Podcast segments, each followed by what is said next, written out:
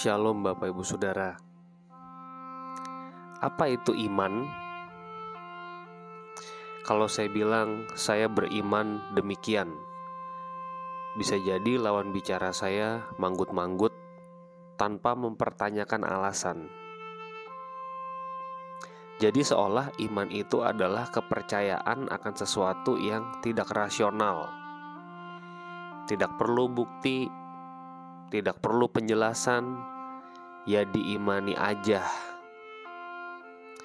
Iman jadi barang yang tidak memiliki dasar.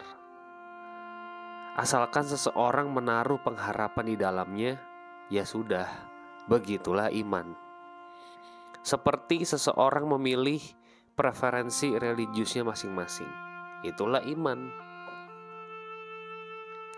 Saudara, coba kita bandingkan dengan bacaan hari ini dari kitab Ibrani pasal 11 ayat 1 sampai 3. Iman adalah dasar dari segala sesuatu yang kita harapkan dan bukti dari segala sesuatu yang tidak kita lihat.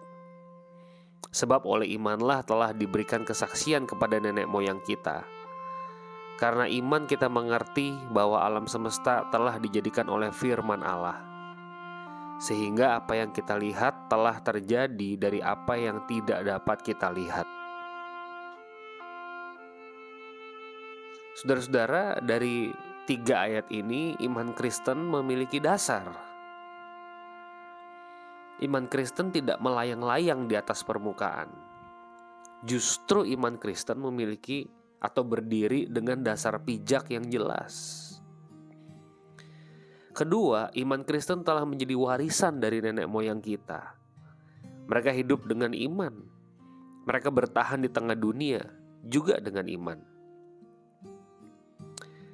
Ketiga, kita percaya bahwa alam semesta diciptakan oleh Tuhan. Kita tidak tahu prosesnya, Alkitab tidak membahas.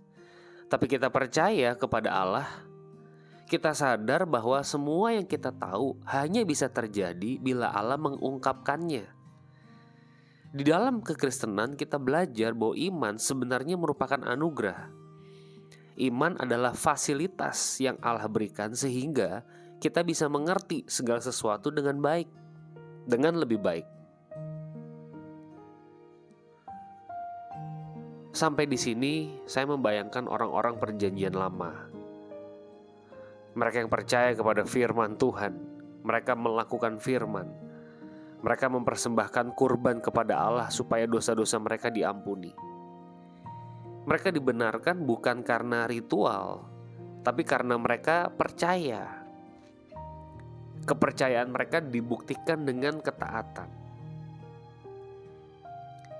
Saya membayangkan tokoh-tokoh Perjanjian Lama, Abraham, Ishak, Yakub, Yusuf, Musa, dan seterusnya. Bagaikan orang yang berjalan buta.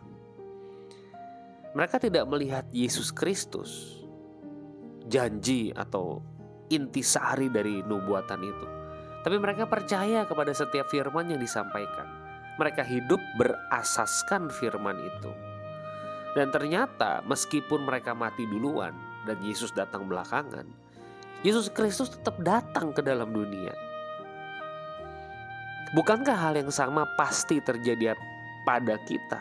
Kita bisa saja mati duluan, nggak ngelihat Yesus datang kedua kali. Tapi kita akan bersama-sama melihat wajah Yesus muka dengan muka. Setiap janji yang Tuhan sampaikan di firman-Nya itu pasti terjadi. Ibrani 11 32 sampai 34. Dan apakah lagi yang harus aku sebut Sebab aku akan kekurangan waktu apabila aku hendak menceritakan tentang Gideon, Barak, Simpson, Yefta, Daud, dan Samuel, dan para nabi yang karena iman telah menaklukkan kerajaan-kerajaan, mengamalkan kebenaran, memperoleh apa yang dijanjikan, menutup mulut singa-singa, memadamkan api yang dahsyat. Mereka telah luput dari mata pedang, telah beroleh kekuatan dalam kelemahan, telah menjadi kuat dalam peperangan, dan telah memukul mundur pasukan-pasukan tentara asing.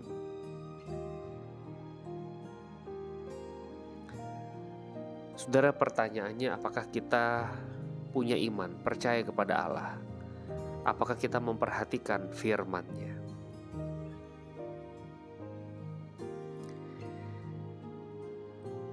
Tuhan, biarlah kehidupan nenek moyang kami boleh diwariskan kepada kami. Kami menjadi anak Tuhan yang hidup berasaskan iman, yang objektif, yang jelas, yang bisa dipercaya. Ya Tuhan, tuntunlah hidup kami.